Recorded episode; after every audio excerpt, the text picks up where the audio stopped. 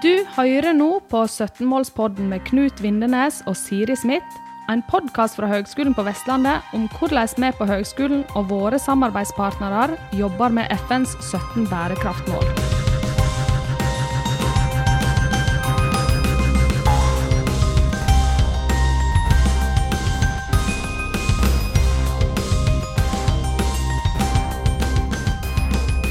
Ja, Da har vi med oss Natalia Golis, varaordfører på eh, Vestland fylkeskommune. Nei, I Vestland fylkeskommune.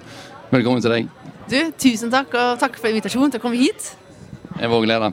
Eh, jeg tror vi går litt sånn rett på sak her, jeg også. Eh, vi, vi er jo her og lytter til hva ulike aktører, viktige aktører rundt oss i regionene og også nasjonalt forventer av oss i akademia når det gjelder bærekraft.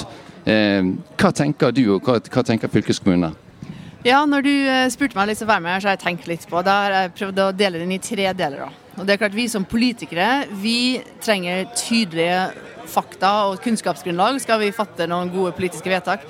Ikke bare på grunnlag av at vi trenger det, slik som kloden og tilstanden er nå, men vi skal også få folka med oss. Og da må folk ha tillit til at vi har gjort vedtakene og bestemt at vi skal gjøre kanskje noen inngripende valg som, som er basert på, på god forskning. Eh, og så er det dette med at vi får vi riktig forskning. Og ofte når vi politikere skal, ta, vi skal lese rapporter, sant, så prøver vi jo beinhardt at de skal være uavhengige, og de skal være fagfellevurdert og sånne ting. Men ofte er den største utfordringen at om de er tilgjengelige for oss som politikere. Er de, er de i et språk som vi klarer å forstå? Eh, er de tilgjengelige på riktig sted til riktig tid? Ofte så blir jo politiske vedtak man tror ofte man har veldig lang tid, men ofte er det veldig kort tid. At du må på en måte bestemme hvilken vei man skal gå. Uh, og, og, hvordan er det vi navigerer i denne, i denne forskningen? da? Og der tenker jeg Akademia har jo et særskilt ansvar å gjøre seg sjøl synlig da, og relevant. Ikke bare til bedrifter og næringsliv, men også til politikerne. Og på en måte som er forståelig for oss. Og på en måte er jo politikerne det samme som innbyggerne. Det skal være akkurat kompleks nok og nyansert nok til at vi kan sette oss inn i saksgrunnlaget. Men for all del ikke så populistisk og, lett, og så lettvint at man på en måte kanskje også avviser det. Så det er det ene. Eh, ja, Det er noen viktige balanser der. Eh, hvordan ligger vi an på det dette her, eh, nå? Var det tre punkt, eller var det bare to? Det var det første. Ja. Ja, ja, ja det, det var et stort første punkt. Det var det. Ja. Men, ja, men da tar vi resten, eh, og så, og så fort, ser vi etter det. Ja. Og så det neste da er jo eh, altså Klima og, og, bærekraft er jo noen definisjoner som jeg, jeg merker er jo veldig følelseslade og veldig forskjellig avhengig av hvem du spør. og Jeg skulle gjerne hatt hjelp fra akademia, at vi kunne jobbe med bærekraftsdefinisjon. På en måte, Hva er det som er bærekraftig? For det er én ting vi politikere møter oss sjøl i veggen og med våre politiske kollegaer. sånn, Vi har ikke samme definisjon. Og det er klart at Kanskje vi ikke trenger noen gang å bli enige om det, egentlig. Fordi det er litt sånn som hva er lykke? For noen er lykke å være alene på hytta, og noen er det å være i en stor by. Så vi på en måte, definisjonen av bærekraft. Men til syvende og sist så bør vi jo koble oss på altså, bærekraftsmålene og si at det bør jo egentlig Alt det vi gjør, bør kunne stå seg i tusen år. Ikke sant? Dette med sånn evighetsperspektivet i bevegelsene våre. Uh, og jeg, jeg, tror jeg merker noen en endring politisk, men der har vi en jobb å gjøre. Og der tror jeg vi, vi trenger mer hjelp fra akademia, slik at vi på en måte kan slå i bordet med et kunnskapsgrunnlag. Slik at vi også slipper unna den følelsesbaserte på en måte, Hva er egentlig klimavennlig? Ikke sant? Og Der slipper vi litt sånn at, vi, at politiske partier slår hverandre i hodet med egentlig ganske absurde ting. der Elefanten i rommet er jo egentlig bare at vi må kutte utslipp. Ja. Det var nummer to. Det var nummer to. Ja. Og så tar vi nummer tre. Ja, og så er det eh, Dere representerer jo en arena med utrolig mye spennende. Og det er klart at eh, vi som politikere ser jo at skal vi implementere de tiltakene vi ønsker, så må vi ha sånne bærekraftspiloter i alle kommuner og i alle bedrifter. Så Der trenger vi rett og slett akademia til å utdanne disse bærekraftspilotene og sender de land og strand rundt som en sånn, sånn uh, apostler. Slik at når vi sier 'her er kravene, her er målet', så føler de seg kallet, og de føler seg relevant, og ikke minst de føler seg kapabel, sånn empowered, til å faktisk ta denne bestillingen. Interessant. Uh, ja, For å begynne med den siste. Hvor, uh, hvor, tenker du at vi er i forhold til å utdanne endringsagentene? Det kan også være et begrep, kanskje? Ja. Eh, godt spørsmål. Jeg, jeg syns faktisk vi er på skikkelig god vei. Jeg ser nå at måte, bærekraftselementet heldigvis nå gjør seg eh, gjeldende i veldig mange utdanningsløp som måte man ikke tenker tradisjonelt. Og så må du huske på at alle disse agentene som de snakker om, de er jo i hverdagen. De er i skolene våre, de er i barnehagene, de er, er offentlig forvaltning, de er i næringslivet. Så det er veldig viktig at vi ikke, vi ikke på en måte gir blanko til noen områder. Ja, dere trenger ikke å tenke på bærekraft. Ikke sant? Det er noe med å gjøre det her gjeldende fra dag én. Og da må vi ha rett og slett voksne hjemme som eh, gjør dette som en del av sin DNA, og ikke bare noe som er liksom, om du tilfeldigvis har et brennende ideologi da, for bærekraft. Du er god å snakke. så Fine ord. Jeg er helt enig med deg. Og jeg tenker, vi, eh, Kan vi eh, som altså Høgskolen på Vestlandet og Vestland fylkeskommune kan vi gjøre noe, noe magisk sammen når det gjelder bærekraft? Jeg syns det er så spennende. For nå har vi bestemt at vi skal uh, henvende oss til kommunene én for én. Det kommer til å være tidkrevende. Og se hva er de trenger av kompetanse.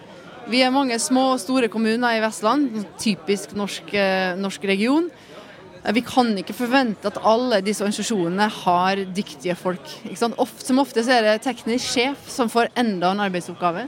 Hvordan skal vedkommende løse det? Ofte blir det veldig konkret. Det blir miljøfyrtårn-sertifisert, og så kan du sjekke den boksen, og så er vi ferdig.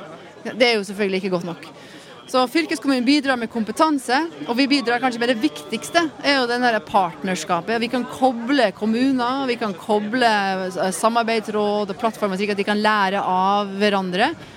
Eh, og så er det vi har ansvar politisk, da, og selvfølgelig oppildne det politiske lederskapet da, til å sette seg nullutslippsmål og bestille det ned gjennom byråkratiet sitt. Jeg liker jo pragmatisme, pragmatismen som du, eh, som du gir uttrykk for i forhold til å tenke hvor begrensningene kan ligge, eller gjerne ligger i kommunene. Og at uh, det hjelper jo ikke at en kommune setter bærekraft uh, gjennom uh, retorikk på dagsordenen. Man må, faktisk sette ressurser inn på det også. Og hvordan kan man gjøre det? Hvordan kan man lære av andre kommuner? Hvordan kan man få innspill fra både fylkeshold og kanskje helt andre aktører? Kanskje, og ja, Høgskolen kan gjerne spille en rolle inn i det også. Mm, veldig godt poeng. Jeg vil gjerne bruke et eksempel. Eh, løfte opp en fantastisk liten kommune i Vestland som heter Fitjar. Og Fitjar har en rådmann som eh, dessverre slutter nå, men all makt ligger også i rådmannens vilje til å satse. Og de har satsa f.eks. på tre konkrete ting som kan virke små. Men det er klart at vi bor jo alle i et lokalsamfunn, og det er jo i lokalsamfunnet vi må gjøre endringer. Det ene er jo altså mobilitet. Visste du at 67% i små kommuner av transport med bil er under 3 km i avstand? Såpass, ja. Og Det betyr at vi kjører til butikken og vi kjører på trening. og det, Jeg er en foreldre sjøl som kjører barn hele tiden, altså jeg, jeg kjenner meg veldig godt igjen. Hvordan skal vi lage løsninger? Og Der har de satt seg et ønske om å lage en pilot. Vi må tørre å lage flere piloter, prøve og feile. Og få fylkeskommunen med på laget, siden vi tross alt har ansvar for eh, en helhetlig kollektiv.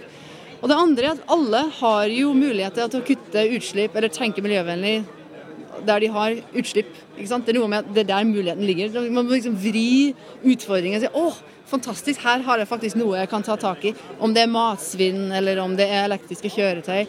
Eller enda viktigere, om det er rett og slett innenfor læreverket og barneskolen.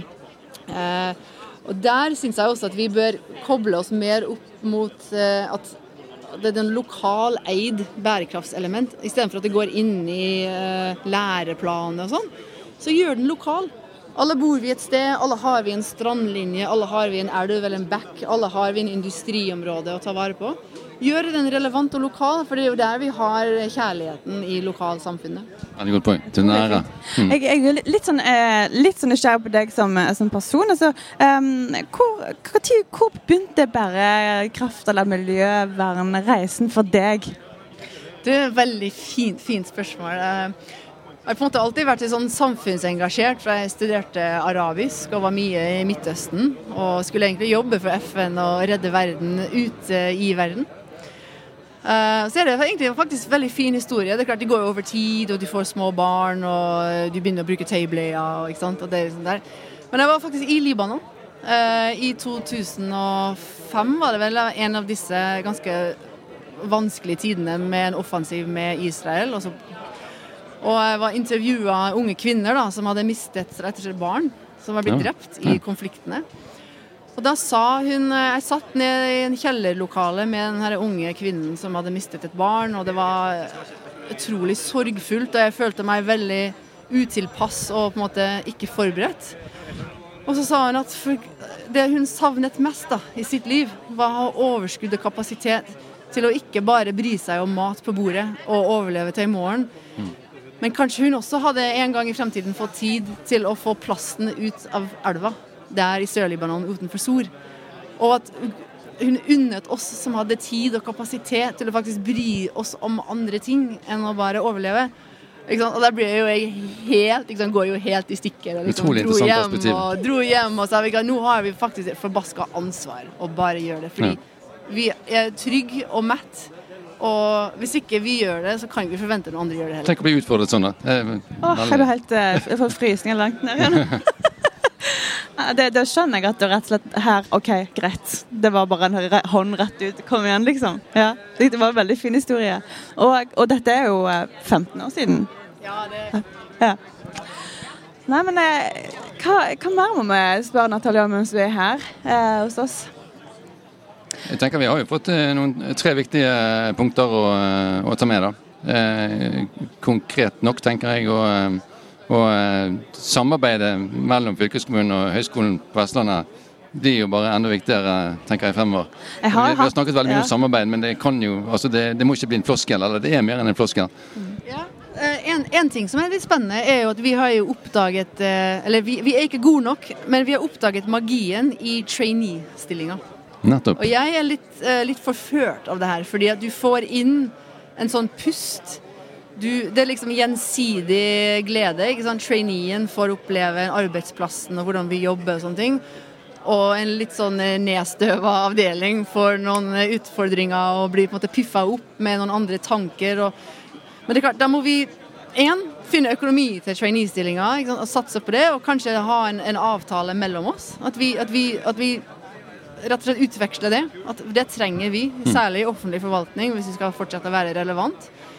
Uh, og Det er også en glimrende eh, pekepinn også for våre videregående skoleelever. Hva kommer etter videregående? Hvordan kan de mm. se for mm. seg eh, deltakelse og at de kommer inn i arbeidslivet tidlig? Og det er veldig opptatt av at man som ung kommer inn i arbeidslivet tidlig, at du skjønner hva det går i. Mm. At, at, jeg også er en endringsagent, selv om jeg fortsatt er under utdanning. Mm. Ja. Det jeg mener og har, er faktisk allerede verdifullt nå, tidlig. Ja. Ja. Det at de har eh, styrke nok i seg selv og sin kompetanse og, og sin, sin uh, utdanning da, til å kunne tørre å si nei. Jeg er ikke enig, jeg har, eller jeg har en idé, eller vi mm. burde satse på noe annet. Altså at, og at du får trygghet nok i arbeid, uh, hos arbeidsgiveren da, til å kunne se ja, de tingene. Trygghet nok, det er faktisk veldig viktig. da. Mm. At, man, at, det er en kultur for å kunne våge å løfte ja, heve røsten og, eh, og, eh, spille inn ting som, kan være, som det kan være motstand mot. Det gjelder jo både ansatte i en, eh, i en bedrift eller organisasjon, men også selvfølgelig en trainee som kommer inn. da. Jeg hadde en ting jeg vil gjerne spørre om. Da, altså, I i, i Arendalsuken så er det mange som bruker tid og krefter og penger og utslipp på å komme hit. Um, og så har vi snakket om at det, det, vi er i det grønne skiftet. men Det er ikke noe som kommer, det, det fins her nå. Men det går litt seint. Eh, tror du Arendalsuken kan være med på å få opp tempoet, eller er det bare fest for voksne? Eh, det er veldig veldig bra du spør. jeg får nesten tid til å reflektere litt sjøl, for det er faktisk min første gang. Uh, og da er jeg helt enig med deg. Det krever jo at man møtes fysisk. Og er det én ting pandemi har lært oss, er at det skjer noe i møtet mellom mennesker. da. Som man ikke kan late som Teams noensinne kan eh, erstatte.